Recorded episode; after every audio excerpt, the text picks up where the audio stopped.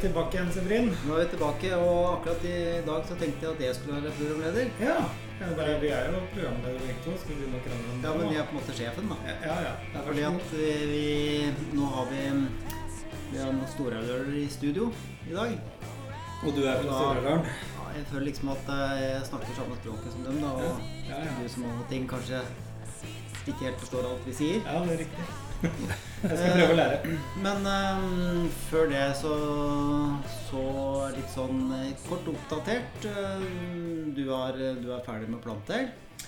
Ja, jeg var ferdig til min bursdag, som er 17. mai. Hurra. Ja. Så da var jeg faktisk ferdig med all planting. Gratulerer.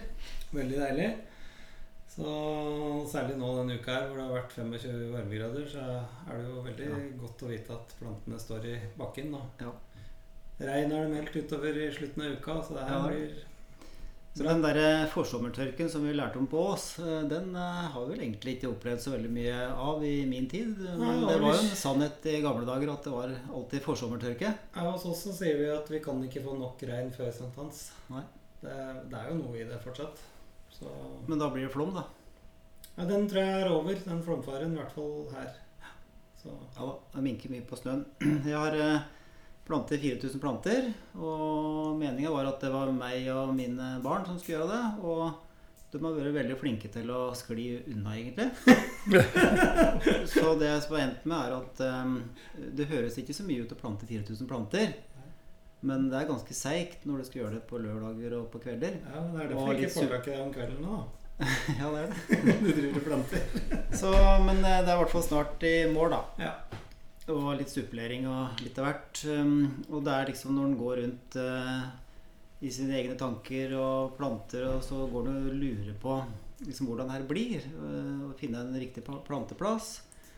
Og om den planta kommer til å vokse, om den blir tatt til elgen. Og eh, jeg må prøve å huske på å komme hit igjen om ti år for å se åssen det er liksom akkurat den planta som jeg planta akkurat borte ved stubben, som var litt eh, ja, litt mye humus kanskje, og kanskje ikke helt optimalt hvordan det gikk. Om det hele tatt kom opp, da. Men da er vi litt inne på den derre sykelen, da.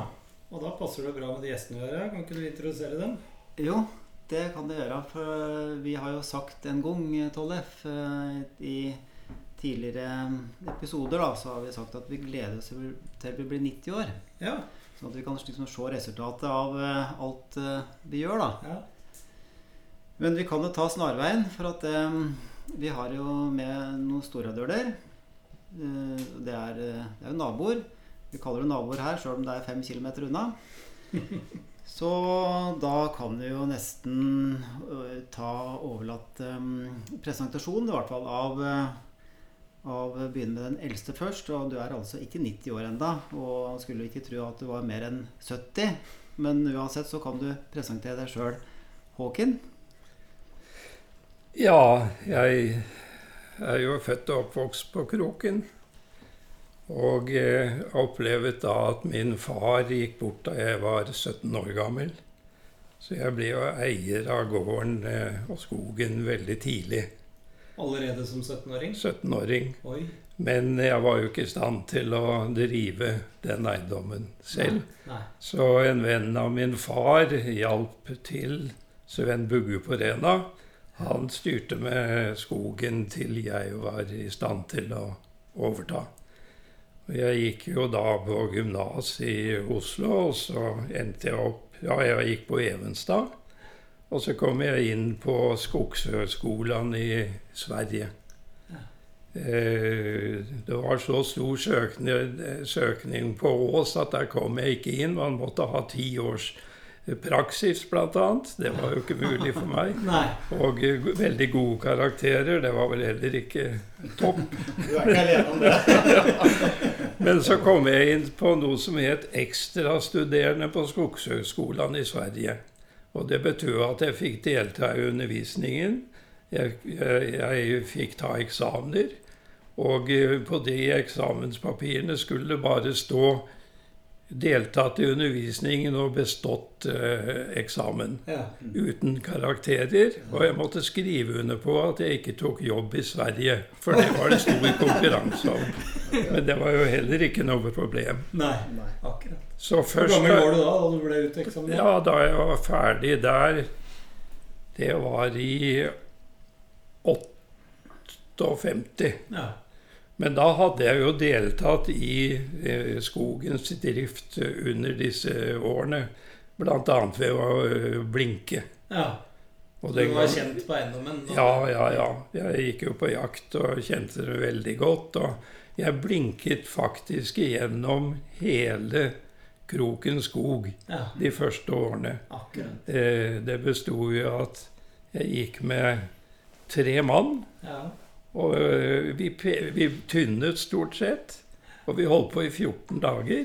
Og pekte ut hvert enkelt tre og blinket med rotmerke og blinke Merke i blinker ja. Bless, bless Ja. i treet. Ja, i tre, så man kunne kontrollere at ikke noe gale trær ble hugget. Ja, ja, ja. Og det var tynninger i de årene. Stort sett. Finner du igjen nå den gamle blinken? Nå må vi introdusere neste gjest. Ja, det er eh, Håken junior, eller eh, Håken Wilhelm. Eh, det er, si at det er jo tre Håkener på kroken. Så hva man skal kalle dem Men i hvert fall etter heter Håken Wilhelm. Ja. Ja, takk for det. er en, Eh, nesten en bra årgang. Ja, nesten. Litt sein, eller litt, litt for ung, kanskje. Ja, litt for ung. Nei, eh, Jeg heter også Håken. og Vi har litt lite oppfinnsomhet på, på kroken. Men eh, vi har løst det internt da, med at vi kaller far her for uh, Gubbfaen, og så kaller vi sønnen for Guttjævelen, og så er jeg Håken, da. Så, så, eh, så dette løser seg bra. Men eh, Nei, om vi finner igjen noen sånne blinker Jeg har ikke sett det. Jeg har ikke funnet en de, så de var vel flinke til å ta ut de rette trærne, da. Absolutt. Mm. Så um, For jeg går i skogen hjemme, og da hender det seg jeg kommer på sånn gammel blink, som Mm. de kaller det. Men Håken, du, du og Severin, gikk dere på samtidig? ja, vi bodde sammen et år òg, faktisk. Ja. Men eh, vi hadde, var litt forskjellige årganger. Ja. Så, eh, men det var jo det var jo et lite miljø der, holdt jeg på å si. Eh, mellom klassene og sånn. Vi kjente hverandre godt fra før, så Det var en 20-25 skogbruksstudenter i hver klasse omtrent. Mm. Og det var jo mye felles, det. Så hun gjorde jo litt mer enn å studere òg. Det var en fin, eh, fin studieplass. mm. Men eh, du Håken, du overtok eh, på Kroken eh, Du jobbet ute noen år før du flyttet Ja. hjem, gjorde du ikke det? Jeg kjørte jo litt med den klassiske jeg slapp å overta da jeg var 17 år. Ja. Mm. Eh, så jeg gjorde meg ferdig på Ås, og så jobbet jeg to og et halvt år i Hordaland. ja. Bodde i Bergen. Det var en kjempefin holdt på å si, impuls og avveksling. Mm. Eh, interessant og veldig hyggelig. Eh, Har du kontakter mot uh, kystskogbruket fortsatt? Nei, ikke så mye. Lite grann. Men Mhm. ikke, ikke Det er jo en lang avstand, holdt jeg Ja, på å si. ja, ja. Mm. Men det var gode minner. Uh, fint. Og så overtok jeg i 96 mitt første driftsår, da. Mm. Så jeg holdt på. Du har drevet i 24 år, du òg, så du har Ja. jo litt eh, Ja, vi overtok jo samtidig, gjorde vi ikke det? Ja, jeg overtok formelt i 92, men Ja, eh, flyttet tilbake i 95. Ja. Så Mm. ja. Ganske parallelt sånn sett, ja. Men det er jo som Severin sier, vi, eh, vi gleder oss til å bli Altså, du går i skogen, og så ser du et plantefelt, som Severin sa. Det, og det er, eh, det er klart, når du eh, Håken senior, er du, er du 85, eller? fire- 88. Mm. Ja, da, det er et omløp det, etter dagens produksjonstabeller. For det er det vi tenkte vi skulle snakke litt om, blant annet. Eh, Fordi at eh, man har på en måte vokst opp med at eh, du planter, og så er det 100 år til du skal hogge. Og du har jo på, det er på det. Det er på det settet. Oppe, oppe så er det 70. ja, nå skulle jeg til å si da at jeg har hogd du gjør det, du hugger på 70 likevel. Ja, ja. ja, slutt å mobbe.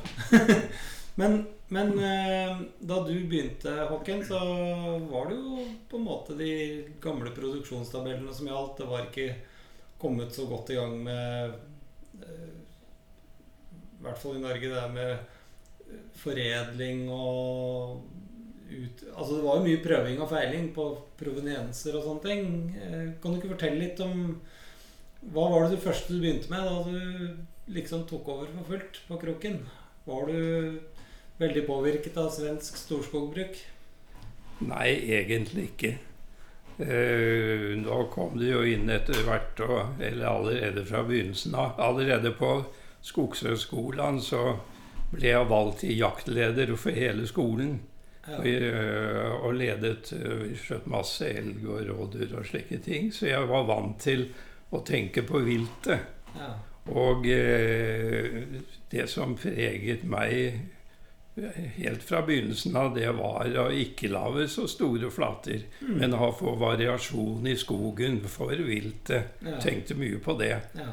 Og vi har jo en eiendom som har mye myr og vann innimellom, og, og nokså bratt mange steder. Mm. Veldig variert. Mm. Så det var godt mulig å få, få til et variert skogbilde, da. Tenker du Så- da treslagsammensetning òg, eller? eh? Ja, egentlig ville vi jo ha mer furu. Mm. Vi har vel egentlig ikke mer enn 20% tror jeg. Eh, Men eh, det er jo takket være elgen, stort sett. Mm. Vi har jo store områder hvor det burde vært furu, og vi prøvde å få til furre. Og så ble det ikke noe, og så kom grana etter hvert, og man plantet også til slutt gran på furumark. Ja. Fordi at man ga opp på å få det til. Men eh, det var ikke så mye elg når du overtok. eh, For i Nei, 1960 så skjøt de eh, 6000 elger i Norge. Og nå så skyter vi jo 30 000 elger, så elgstammen har jo økt veldig. Så elgskade var kanskje ikke et så stort problem i 1960. altså da jeg begynte eh, da, som 18-åring, 17-18-åring, fikk jeg være med min, min 17-åring var jeg da. eh, Fikk være med min far på elgjakt. Og da hadde vi fire fellingstillatelser. Eh, og på mitt beste så var vi på 28 fellingstillatelser på samme område. Mm. Og nå er vi vel nede i Nå er vi nede i 15 igjen, eller noe sånt. Mm. Mm. Ja.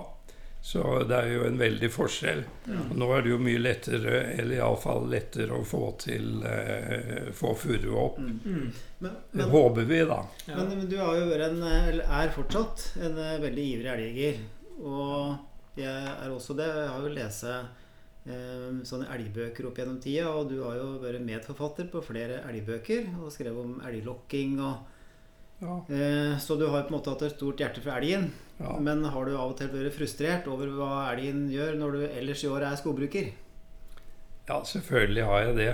Ja. Men eh, jeg har jo også sett at der hvor jeg har håpet å få opp furu, og til og med plantet furu, og elgen kommer og ødelegger, så blir det gjerne noe stående igjen til slutt. Og så får vi jo en del supplering fra eh, naturen, da naturlig foryngelse. Mm. Og med mine tanker om det er jo også det at det skal være variert. Det skal ikke være bare gran eller bare furre. Men eh, litt av hvert eh, blandet, det syns jeg er fint da, og riktig. Men, men ikke sant, du har jo da sikkert sett furuforyngelser som kan virke som er helt ødelagte, ikke sant? Men så har det gått 20 år, da. Har, du, eh, har det gått så ille som, du, som det ser ut som? Absolutt ikke. Nei. Det har gått mye bedre enn jeg fryktet. Mm. Vi har jo eh, områder i nærheten av gården som var totalt ødelagt. Mm. Og nå står den fineste furuskog der. Så det, Ja. Men det er klart det er sikkert skader Mm. i stammene og sånn når det gjelder kvalitet. For alle var merket av elgen. Ja. Mm. Men eh, du ser det ikke nå. Nei. Men eh, den eh, Krokmoen, da, som vi kaller det, som er langs uh, rv. 3, eh, var i 1960, da, var, var det da et ungskogfelt? Nei, den det, Kroksko, nei, Krokmoen er vel eh, 110-20 år gammel. 140. 140 er det For det er jo faktisk. sånn der, gamle Og er jeg hadde en gammel onkel som også var forstmann, og han hadde jo vært på kroken i alle år og kjørt forbi kroken og sånn. Han har aldri sett forskjell på den skogen. Og det er ikke så store dimensjoner nå heller. nei, men dere har jo tynne en del der. eh. Jeg har ikke gjort det, men nei, kanskje ikke. så den står der, og den ser makan ut som gjort all hverdag.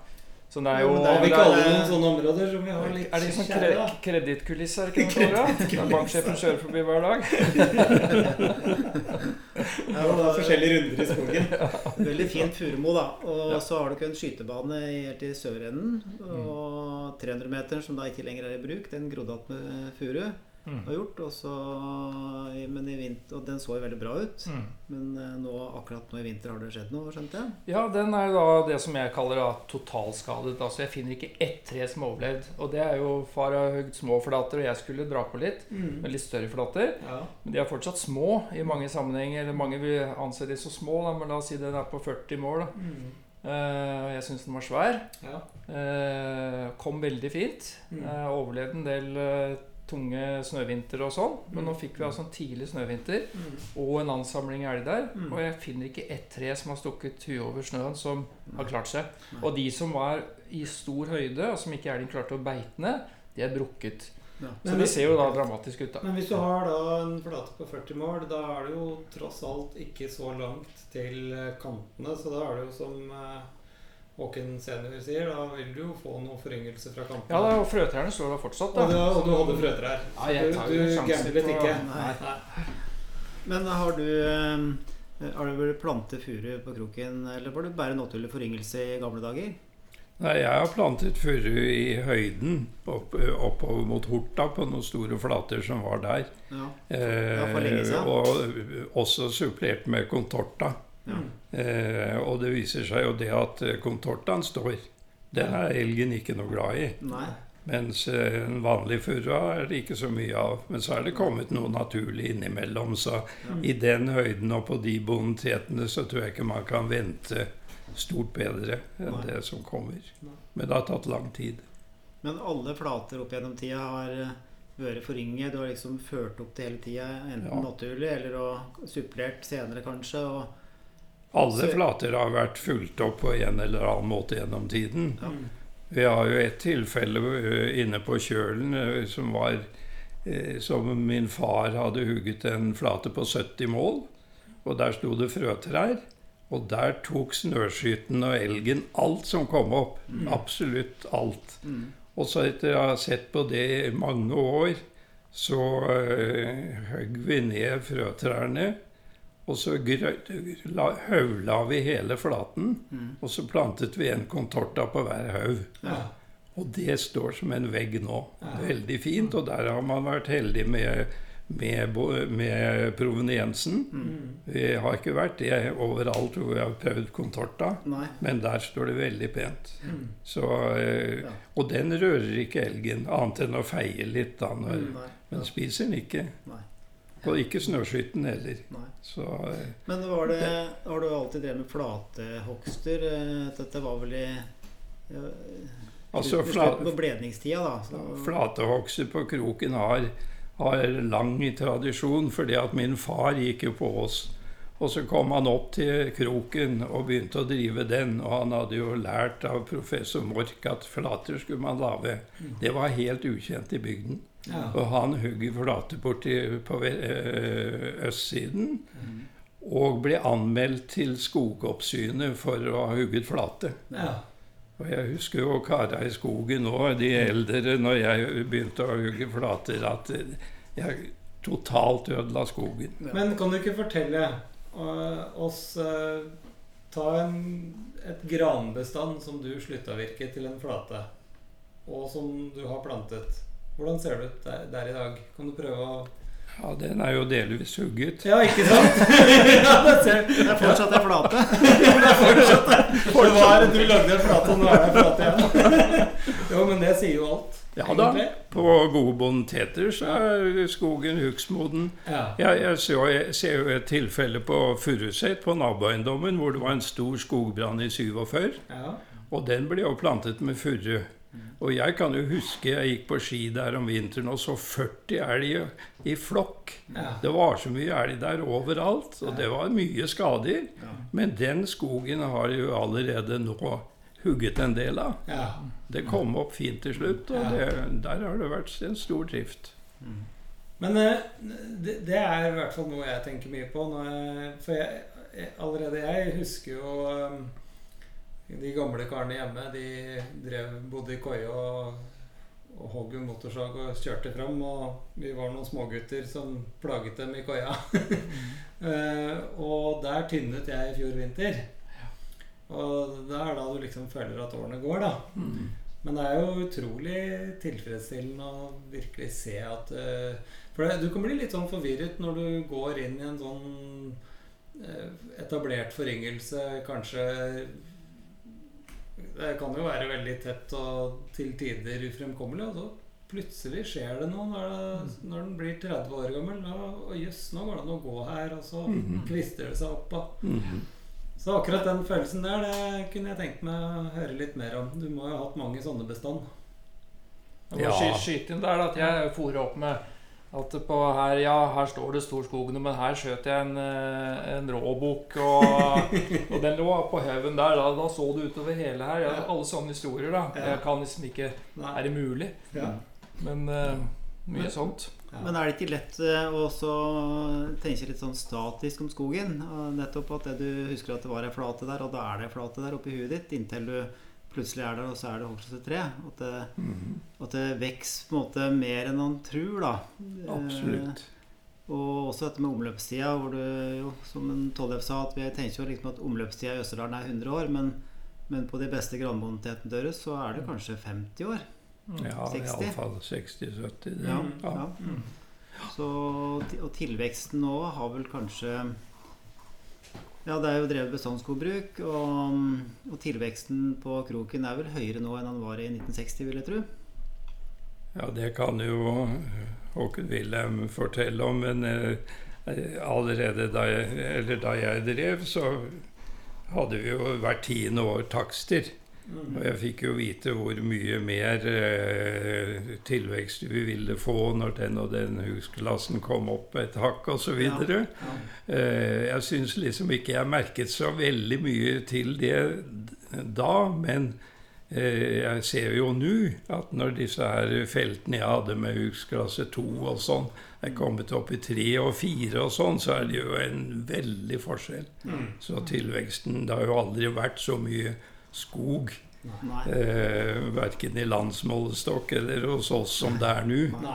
Eh, men Er det død ved, er det mer død ved i skogen deres nå enn det var i 1960?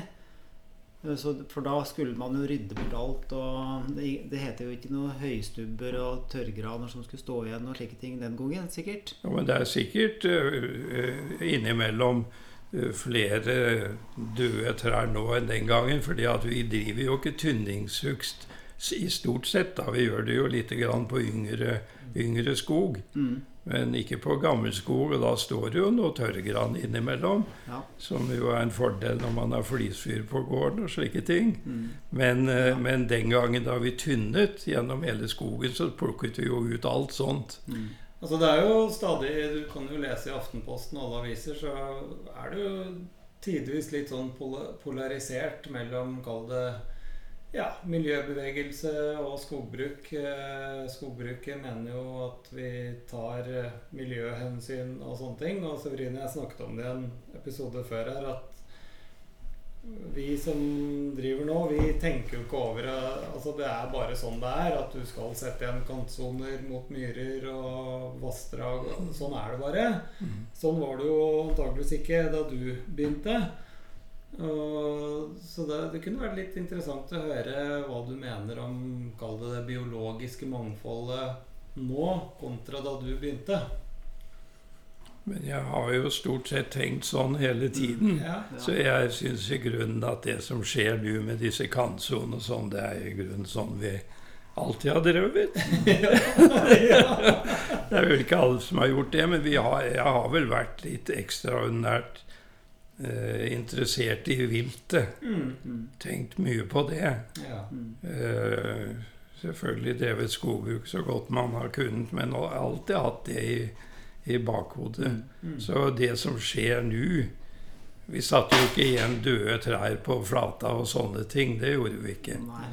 Eh, men uh, vi, vi laget iallfall flater og, og kanter og sånn med mye tanke på akkurat det man er opptatt i dag. Mm. Ja, men uh, nå er det jo også kommet en del områder i enhver skog som jo ikke skal drives, som skal eh, tas Ja, det er gammelskog og sånn som blir fredet. Mm. Og, og det, der får man jo bevart en del. Ja. Men eh, når det datt ned noen vindfall eh, her og der, da, så innbiller jeg meg jo at man var flinkere før til å rydde opp. Og at man hadde mannskap og utstyr til å rydde opp. Ja, du vet, den utviklingen der er jo fantastisk. For da jeg overtok, så var det jo 15-20 mann eh, i skogen om vinteren. Mm. Og da jeg sluttet og Håken overtok, så hadde jeg to. Mm. Ja. Og de forsvant jo også relativt fort Mm. av mekaniseringen og Mm. alt sammen. Mm. Så det har jo forandret seg veldig. Men den gangen så plukket man jo opp når det var vindfall i en kant og sånn. eh, De som drev i skogen og bodde rundt i grenda, de hadde jo hest og var engasjert. De var jo fast ansatt. Mm. Jobbet bare på kroken. Mm. Men uh, hva gjør du nå, da, Håken Wilhelm, når det har blåst ned furu her og der, og kanskje ligger det tre oppå hverandre en stand, og som du Da er det veldig viktig å ta de som synes. ja. Og så eh, Som jeg kommer lettvint til med en eh, vanlig landbrukstraktor. Ja. Uh, ja, men da er, du, da er du av de bedre i klassen, spør du meg.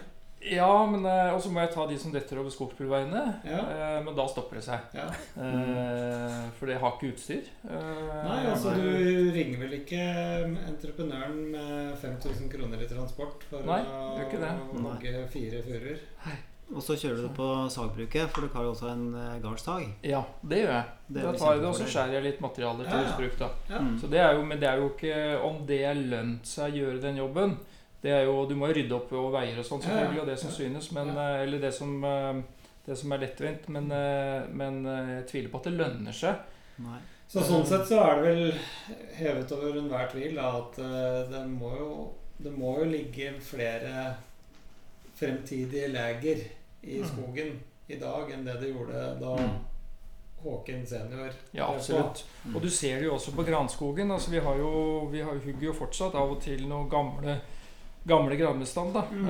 um, og de, de er jo 120 år, eh, Mm. 10-120 år gamle. Mm. Og friske og fine, Mm. stort sett. Mm. Og så ser vi på en del av den kulturskogen som, eh, som eh, er kanskje 50 år. Mm.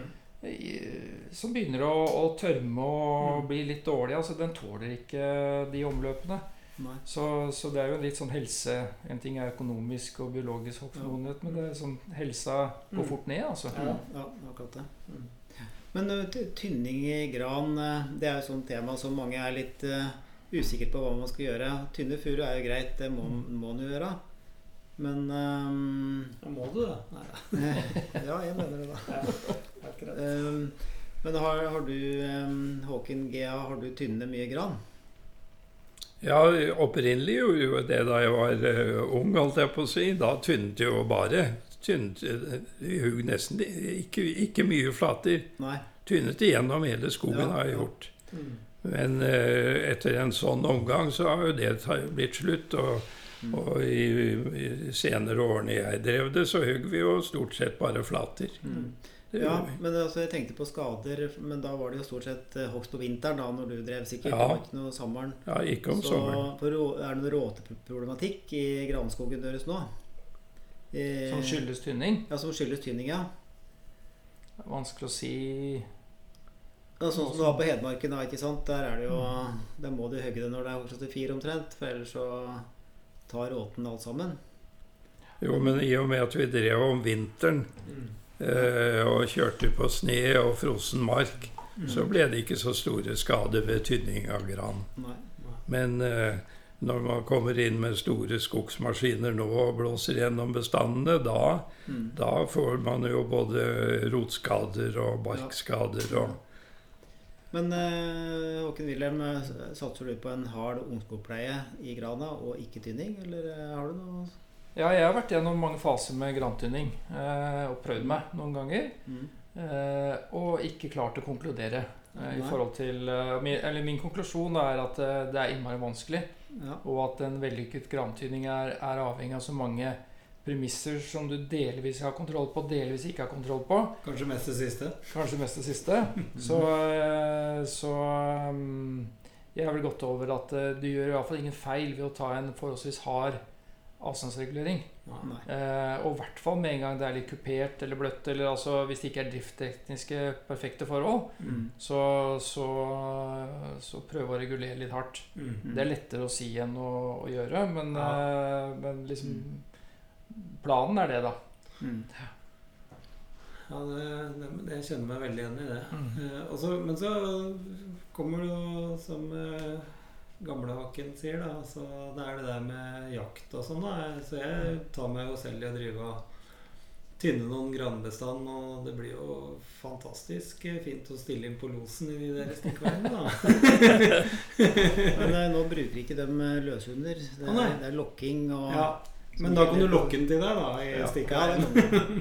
Og det er veldig mye dyr som går i sånne nytynninger. Ja, det er det. Det blir veldig mye aktivitet der. Veldig. Merkelig. Det blir jo mer vegetasjon i Ja. stikkveien, ikke sant? Med Ja. lys. Og, Ja.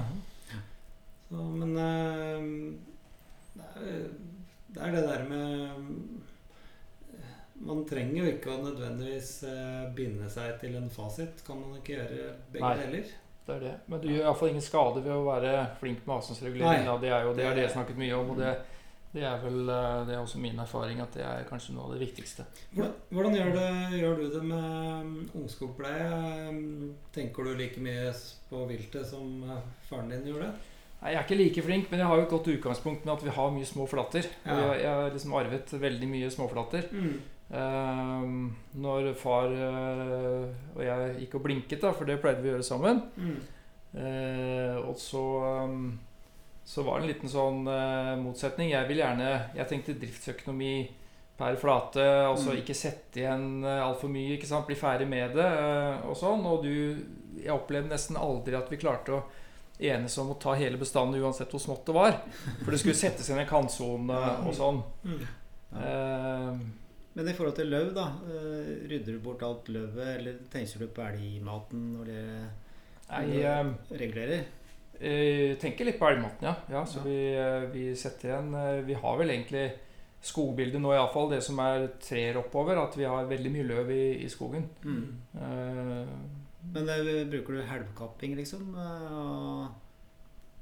du- hvis, hvis jeg går inn tidlig, så kapper jeg løvet helt, altså helt ned. Ja. Og går inn litt seinere, så, så er det er ikke noe mye mat i en, eh, en bjørk som er uh, fire meter høy. Nei. Så da kan du kappe den på en meter, da, og, Mm, mm. og sånn. Men du gjør det? Ja. Mm. Mm. Det var- vel egentlig det vi var ute etter. Det tror jeg er mange som bør bli litt flinkere til, faktisk. Ja, for at mye ja, Han ser jo de regulerte feltene nå som er litt sånn skjematisk regulert, så er det tatt alt helt Mm. ned. Mm. Og det, og det er ikke nødvendig, faktisk. meningsløst. Mm. Fordi at det, det løvet som ikke overtopper grana, det, det er jo ikke noe Grana brøyter seg frem uansett. Mm. Så hvorfor skal du skjære ned eh, hvis du har ungskog eh, med f- 3,5 meter høy gran, og så har du, har du bjørk i eh, knehøyde? Hvorfor skal du skjære ned det? Mm. Mm. Det er jo mat Mm. for elgen.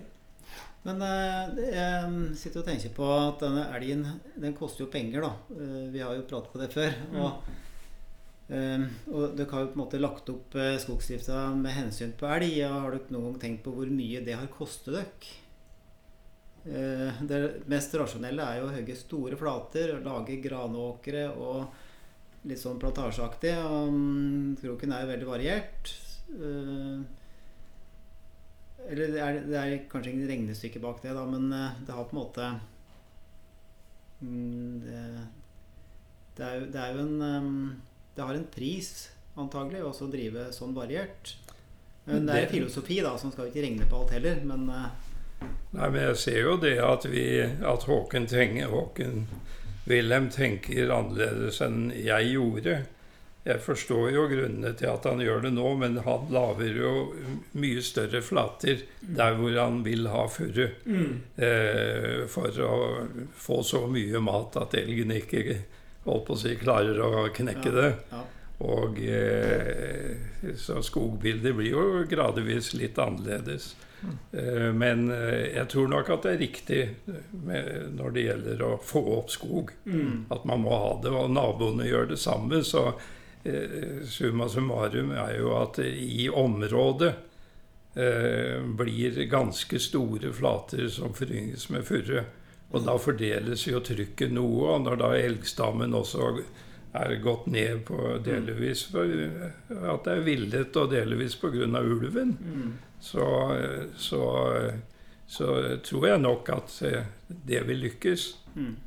Ja, for det hjelper jo ikke hva man gjør alene som gründer. Du er avhengig av at de rundt deg har Mm. litt det samme. Så det er derfor vi Severine, vi driver jo misjonerer nesten i hver eneste episode at uh, ungskogpleie, da må man ikke rydde Eller du må selvfølgelig rydde løv. Det er jo Altså, misforstå meg rett, ungskogpleie er utrolig viktig, men eh, eh, er, du trenger ikke lage park for at du skal få opp skogen, og da, da blir det Jeg ser på egen eiendom, altså eh, etter at elgen det er blitt mindre elg, så begynner vi å få ro- rogn da, i knehøyde enkelte steder. Mm. Og det er klart, det er jo Jeg har et furuplantefelt. Da, der begynner det å bli mye løv. Eh, selvfølgelig, jeg skal følge med på det, men hvis man da toppkapper der, så virker det på meg som om elgen går på løvet framfor furua. Mm. Man vil ha løv. Mm. Men um, litt uh, tilbake til uh, ja, jeg kaller det 1960. da Det var kanskje litt før du overtok. Det var rundt 1960. Ja, jeg overtok i 1951, egentlig. Ja. Eh, Da døde min far. Ja. Men i praksis eh, ja, så, så, Som jeg fortalte da jeg gikk på Skogshøgskolen, så var jeg jo hjemme i ferie og blinket. Mm. Så det gjorde jeg, men selve driften, det tok andre seg av. Men da var det, var det hester og gråtasser? Det var hester. Bare hester? Ja, de ble kjørt eh, eh, Kjørt fra hele østsiden ut på isen og eh, lå Glomma full der og merket om våren. Ja. Det var til å begynne med. Hadde vi tømmermerkere som kom og holdt på dagvis der, og hver eneste stokk ble målt og ropt og merket til hvem som skulle ha det. Og det var både sagtømmer og slip og barket, selvfølgelig. Alt var barket, ja. Og da fikk du ca. 100 kroner kubikken i, i 1960-kroner. Ja, det, det som jeg, jeg husker ikke noe særlig av dette med priser, bortsett fra at jeg vet at i, under Koreakrigen i 1950-51 Mm. Da var det jo de beste priser som, i forhold til utgifter Mm. som, og skatt Mm. som uh, vi har opplevd. Og da bestemte jo min far seg om å bygge om gården. Mm. Så gården ble jo helt uh, snudd opp ned. Ja. Uh, og hus ble flyttet, og da skjedde veldig mye på gården. Så det var takket være Koreakrigen og prisene den gangen. Ja, ja. Ja. Men uh, jeg, jeg, jeg var jo ikke i full drift hjemme før i 68. Nei, akkurat. Da var jeg 58. Nei, 58, unnskyld. Ja, ja. Men, men det er jo en sånn stadig gjentagende diskusjon eller samtale rundt et skogbrukerbord. Det var jo, er jo prisene på 50-tallet og alt der. Men jeg bet meg jo litt merke i det du sa, Håken senior, at um, skogen på kroken nå, det er jo mye mer tømmer enn da du overtok. Mhm. ja, per arealenhet. Per arealenhet. Ja, ja. Så det, man, man glemmer litt det. Ja. Selv om realprisen har sunket, så er det jo Mm. eh, Men- Men um, be, be, nå har vi jo Jeg har sjøl Håken Wilhelm og jeg har vært gjennom flere regimer med skogbeskatning. Har gjennomsnittsligning når vi overtok, og så nå har det jo kommet en tømmerkonto ehm, regime. Men um, også Jeg kan ikke historien min helt og fullt, men jeg vet jo at det var tilvekstbeskatning en gang i verden i skogbruket. Og at du ble Jeg bes- fikk ikke prosentligning. Var det ikke det? Ja, men hvordan var eh, beskatningen i skogbruket? Det var ikke gjennomsnittsligning når du begynte i 58 for fullt? Jeg husker ikke lenger når de forskjellige eh, regimene kom der. Eh, Men skogfondsordning, eller skogavgift som det het Det, det eh, heter ikke det, eller det heter investeringer. Jeg vet ikke når den kom inn, men eh, den brukte vi jo selvfølgelig for alt det var verdt da det kom. ja. Mm. Jeg kan ikke huske årstallet når det kom. nei. Men da kunne du kjøpe ryddesager og plantespett og alt mulig Alt utstyr. mulig. Vinsj og, Ja, bygge veier og og investeringer, som det heter. Var det ikke det det kalte? investeringsavgift. Investeringsavgift, ja. Mm. Ja. Husker pappa sa ja, det tar vi på investeringa. Og til å begynne med var det en fast avgift en, Til å begynne med var det en fast avgift, men etter hvert så har det jo blitt slik at du kan velge eh, prosentsatsen. Mm.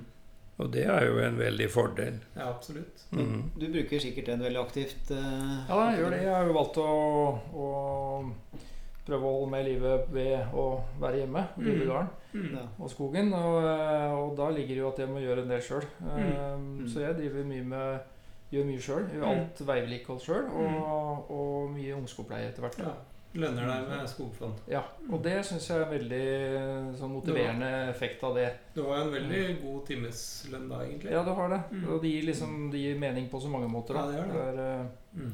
Mm. Det er nok mange som har tenkt den tanken, Håken. Ja. Det er bare ingen Vi konsulentslaver, vi bare tør ikke. Nei. Nei. Men man kan jo, det omfatter jo så mange ting du kan bruke skogfond til. Så det er jo litt opp til hver enkelt å drive med det man syns også er gøy. Mm. Og man rekker jo ikke alt heller. Så som planting f.eks.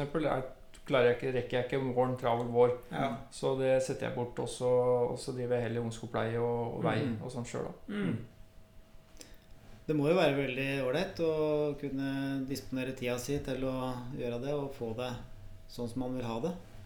Ja, og så er det jo den gleden å, å, å se på disse bestandene. Vi, dere har snakket mye om det, vi har vært innom det her, og dette med å følge skogen. Mm. Det er klart når du har eh, Jeg har jo ryddet noe felt som jeg planta sjøl, ikke sant. Og, Mm. og det er jo veldig artig, da. Ja, det er det. Mm. Å liksom ta den Mm. Da går du og tenker litt på det treet du satt ved den stubben da. Og, Ja, ja. Eh, planting, eh, ikke sant. Det var jo en eh, tørkesommer i 2018. Ja. Eh, Åssen er plantefelta etter den tørkesommeren? Har du sett noe på det? Eh, ja, vi sjekka, har sjekka litt, og det er både òg, ja. Ja. Eh, det, er ikke så, det er ikke så bra. Nei. Nei. Men du har jo vært gjennom noen i anførsel katastrofer før eh, Åken med tørke, billeskader og I 76 og 77 da var det jo veldig tørt, og da var det jo billefeller og full alarm på det. Så eh, det har vært noen sånne kalamiteter i din tid opp gjennom tida? Absolutt. Da var det noe, en del gamle granbestand som eh, ble så ødelagt at det ble avvirket Mm. pga. billene. Mm. Det var noen tørkesommer og sånn som gjorde at de blomstret opp. Ja. Og skog som eh, absolutt var hug- hugstmoden. Ja. Det var ikke galt å ta det. Nei. Men han skulle tatt det året før. Ja. Men, men hadde, du- hadde du billeangrep på yngre produksjonsskog òg, eller? eh? Nei, det var eh, den grove, gamle gra- granskogen som fikk det. Ja, akkurat. Som begynte Som absolutt var uh, hugstmoden i Mm. høyeste grad. Ja, Men eh, det er vel et sånn clou i forhold til sånne ting å ha en eh, skog nettopp som det dere har, da, med, som er variert. At eh, det er ikke store Mm. arealer med monokulturer. Det er rett og slett litt av hvert. Og dere får jo litt god hjelp av topografien òg. Fra Mhm. Glomma til høyfjell og noen daler og isbreer som har gjort jobben sin både her og der. Det er mange fordeler, men når det gjelder driftsutgifter, så blir det jo mm. dyrere enn når vi ser andre eiendommer eh, rundt oss som er flate, fine lier, Ja. hvor vi har Ja. ene åsen etter den andre med bratte skråninger. men bygget, du- bygget du noen traktorveier og sånt nå i din tid? Vi bygget veldig mye vei. Det har vel du, junior? Det er jeg som må vedlikeholde alt dette her, da. Jo, men du lønner deg jo med skogfond, så det der går jo i pluss. det. Ja da. Nei, men det, altså, veier er jo nerven i nervesystemet i blodåren i skogen. Mm. Så, så det har vært eh, Det er jo veldig Var en god, riktig og god investering og veldig viktig. Vi legger mye arbeid ned i å holde de ved like. Men jeg, jeg ser på egen eiendom, så liksom, og Der bygde de traktorveier på 1970-tallet. Mm. Men eh, de er jo litt for smale. da. Ja. Ja. Så du må liksom inn med en men, men de ligger nå der. Men de ligger der. Har ikke du kjøpt deg jo, jo, jeg har gravemaskin. Ja. Eh, Ikke snakk om det. Det er, det er, er hobby. Så det, Men eh, du, mm, dere ser fram til høstens elgjakt begge to fortsatt. Jeg må jo si at Du er jo veldig vital. Du har jakta elg alle år. Og kanskje det også er en grunn til at du er fortsatt veldig vital. Og du skal ta skyteprøve i år òg. Det vil si du trenger ikke ta skyteprøve i år. Det slipper vi. Ja. Men jeg har aldri hatt du trener vel uansett, gjør du ikke det? Jeg har ikke hatt noe problem med det. Nei. Nei. Nei da. Vi skyter jo litt om vinteren med luftgevær og Ja. holder oss i form Ja. med skyting, så Ja. Nei da. Det går sin gang. ja, det gjør det. Men eh, du, du har fortsatt eh, glede av å gå i skogen og se på det du har gjort, og selv om det blir hogd det du plantet, holdt jeg på å si. Jeg syns det er noe av det hyggeligste jeg vet, er å farte rundt. Vi har jo såpass med veier, så man kommer jo mm. rundt eh, så å si overalt. Og, ja. og se hvordan ting utvikler seg, det er eh, min store glede. Og jeg blir like forbauset hvert år over hvor, hvor fint det kommer, og hvor Ja, ja. stort det blir. Ja. Og, og, det er for, og du syns fortsatt det er gøy å se en vellykket uh, hogstklasse 2? Å ja, Ja, absolutt. Ja, ja, ja. Det her er jo pur skogsglede, selvfølgelig. Ja, det er det, da. Ja, det, det er akkurat det her vi ville høre. Jeg, jeg prøvde Jeg tar turer og finner ut eh, hvor det mangler planter og maser, og, Mm. eh, og, peke på ting som man får lesset over seg. Ja, ja. Men har du hørt mye på far din, Håken Håkon Wilhelm? Eh, Eller har du skulle, har du skulle funnet på krutt, kruttet sjøl? Nei, jeg er jo blitt veldig preget av det. Man blir jo det. Mm. Eh, Men vi har jo, vi har jo hatt eh, Vi har jo hatt litt forskjellig Vi har snakket om dette med å blinke og sånn. eh, Ikke sant? Eh, Jeg har vært eh, som, Jeg var nyutdannet på oss, ikke sant. Jeg hadde økonomi og, og um, var litt opptatt av å optimalisere litt og, og sånn. Mm. Og så kom jeg hjem og gikk i skogen og, og eh, Jeg vet du, det er liksom det å Når snøen faller og du skulle til blinke, det gjorde at ingen av delene likte du. Og, eh, og sånn har det vært litt De tingene jeg arvet etter deg, da. Ja. Det er ikke noe gøy å blinke. Jeg syns ikke det er noe gøy å, å ta ut skog. Nei. Det er jo livsnødvendig å gjøre det. Det har vi snakket om at det, det, det der med, med hogging og planlegging altså det, det er ikke det som er gøy. Det, er det Nei. som er gøy, er å produsere. Ja, Det er jo- det er jo-. Det er helt paradoksalt. Det er jo helt tullete, egentlig. Du, ja, Det er i hvert fall bevis på at veien til målet er det viktigste, og ikke sjøl målet. Da. Sånn som alle snakker om. Men det, det het seg jo det at når man blinket, så skulle man blinke så hardt at man ikke fikk sove natten etter. Ja, det var, da først var man eh, noenlunde der man skulle være. Ja, det er- Og der har jeg jo aldri vært. Jeg sovet dårlig mange Nei da. Men eh, det som, det som jeg syns er eh, forskjellen på, fra da jeg begynte til nå, det er jo at det har foregått mye forskning. Man vet jo i dag Mm. mye mer. Ja. Vi famlet jo rundt, og folk visste ikke riktig, og man prøvde seg frem. og Mm. øh, Nå vet man egentlig hva man bør gjøre, stort Mm. sett, Ja. takket være forskningen. Ja. Og alt er jo blitt veldig mye enklere. Mm. For jeg holdt jo på 14 dager hver høst med blinking Mm. og summerte listen om kvelden før vi nådde kvantum. i Det er på 14 dager, og hva gjør vi nå da? Bruker ti minutter til å lese kart, og der har du så god takst at du kan se akkurat hva som står der av treslag og alt mulig, og alder og alt mulig. Og så, og så når man er blitt enige om det, så blir man enige om med, en entreprenør. Mm. Om det da kommer to meters ned, eller om traktoren eller jeg mener store redskapen hans ryker, så er det ikke vårt problem. Nei. Eh, Du vet hva du får, og du vet at det kommer frem til veikant. Og sånn var det jo ikke. Jeg måtte holde motorsager og dra på Rena og kjøpe kjeder og bensin til kara. Og kom det mye sne, så var det straks noen som fikk veldig vondt i ryggen eller et eller annet sånn.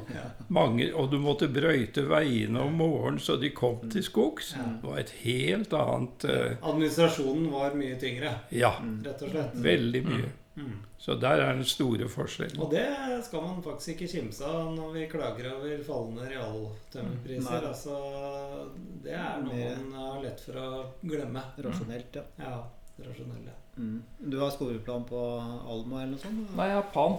Den Jeg fikk i 2003. Mm. Den eh, gjorde litt av taksten sjøl, og så um, har vi ajourført den. Mm. eh, brukbart da, Så den er jo egentlig bare blitt bedre og bedre. Ja, ja. Mm. Så veldig godt fornøyd med den. ja. Det høres bra ut. Så det Det er i hvert fall Ja. alltid ha, ha noen naboer å strekke seg etter, er Ja, det er bra, det. Altså det, det her var jo absolutt det vi ville høre. Det at en, Ja. en på 88 år eh, finner pur Fortsatt. glede fortsatt i å kjøre rundt og følge med på skogen. Så jeg tror vi runder av, ja. Det. Hvis det ikke er noe vi brenner inne med. Så det var i hvert fall utrolig hyggelig å ja, absolutt.